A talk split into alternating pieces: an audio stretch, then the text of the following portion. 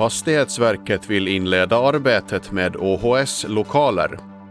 Ålands skogsindustriers vinst minskade något under 2023 och Finland missar U17-EM i fotboll. Det är några av rubrikerna i Ålandsnytt onsdag. God morgon.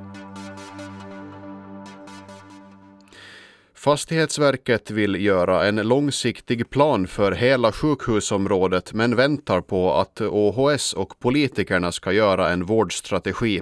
Det säger Fastighetsverkets VD Stefan Rumander om OHS utmaningar med gamla lokaler. Vårdstrategin bestämmer vilken vård som ska bedrivas på Åland, vilket sen styr fastighetsbehovet. På frågan om när starten på en omfattande förnyelse av OHS lokaler kan ske så svarar Stefan Rumander så här. Det tar väldigt länge om sådana här typer av saker. Vi pratar eh, bara en förstudier eh, som sen följs av projekteringar i många, många år och det är därför vi också känner att vi vill komma igång med de här frågorna. Att, att om nu OHS eh, och, om man politiskt diskuterar vår strategi så vi vill jobba parallellt med, med eh, fastighetsutvecklingsplanen, inte sekventiellt och vänta på den. Och, och det kommer jag att prata om, eller gör jag redan nu, prata med politiker, att vi vill få det upp tydliga uppdraget att ta fram en fastighetsutvecklingsplan. Ni väntar på politikerna? Ja, no, men det, det, så, det kanske var förenklade. Jag vill inte på något sätt skylla på dem på något sätt. Men, men det är ju viktigt att vi är överens om vad vi gör. Och, och nu är det den här vårdstrategin är tydligt inskrivet att det ska göras och det finns också skrivningar om fastighetsutvecklingsplan. Men, men eh, det kanske inte finns ett tydligt uppdrag att göra det. För det är också förknippat med en del pengar att jobba fram en sådan. Hur stort projekt är det här riktigt fråga om? Om man pratar i år och kanske i miljoner? Det, det, är jätte, jättestora pengar. Det är inte tu tal om annat. Jag har mycket svårt att tro att en, en, en nybyggnad och, och grundrenoveringar på delar av sjukhuset skulle gå under 100 miljoner euro till exempel. Så att, så att det, det är mycket stora pengar eh, det är frågan om. Och det går knappast att räkna hem med att, att, få en effektivare fastighetsförvaltning och en effektivare vårdapparat. Men man kanske kan hindra den kostnadsutveckling som sker nu och så kan man då förhoppningsvis få en bättre och säkrare vård. Eller ska jag säga, man får med säkerhet en förbättrad och en säkrare vård med en nybyggnad. Borde man eh, prioritera den här frågan mer för att få igång arbetet? Utan att veta några detaljer så tror jag nog den diskuteras politiskt och man vet om att det här ligger framför oss nu. Det är, och, och, det är en stor sak. Det är jättestora pengar och det är också stora viktiga frågor för ålänningarna. Sjukvården är ju otroligt viktigt för oss som bor på en ö. Så att jag tror nog att frågan är, alla vet om den, alla vet att det här finns framför oss. Frågan är bara nu hur går vi vidare och hur får vi det här bäst för oss. Säger Stefan Rumander som är VD på landskapets fastighetsverk. Reporter var Felicia Bredenberg.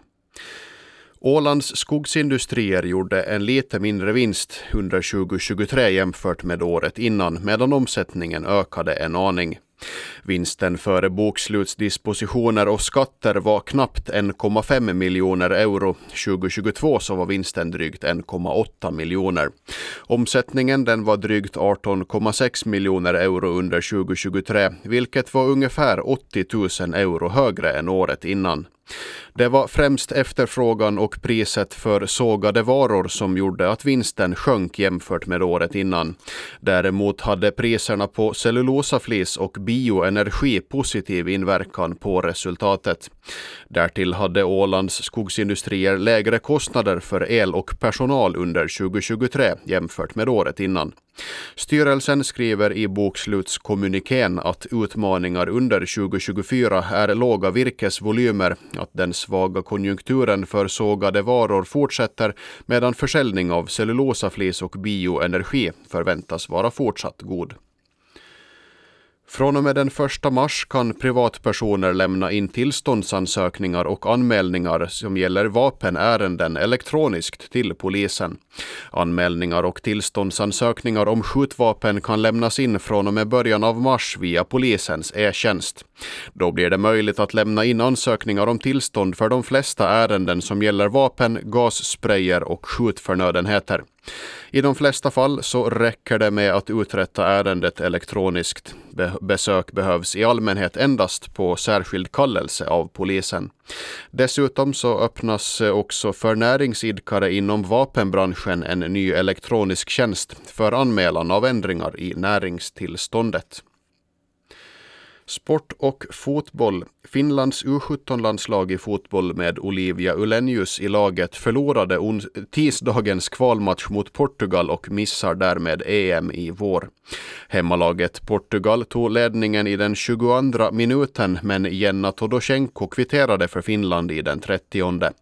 Under den andra halvleken så var det dock endast Portugal som stod för målgörandet och slutresultatet det skrevs till 3-1. Olivia Ulenius eh, spelade hela matchen och drog under matchen på sig ett gult kort. Portugal vann därmed kvalgruppen till EM och Finland kom tvåa med tre poängs marginal upp. I gruppen så ingick också Island och Kosovo, vilka Finland besegrade.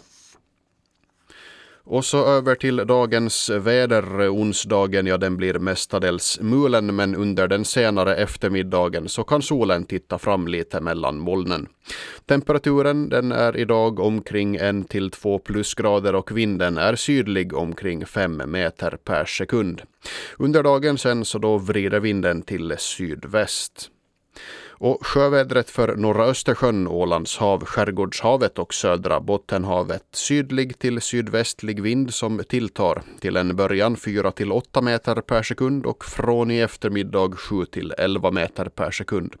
Till en början på många håll dis eller dimma. Och slutligen morgonens väderobservationer klockan kvart över sju. Ute sydlig vind 5 meter per sekund, temperatur minus en grad.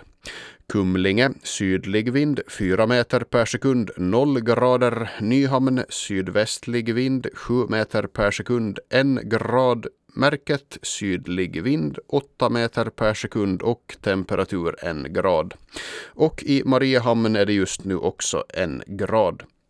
Vattenståndet vid mätstationen i Föglö det var klockan kvart över sju, två centimeter över medelvattenståndet. Och det var Ålandsnytt med mig, Rasmus Karlsson.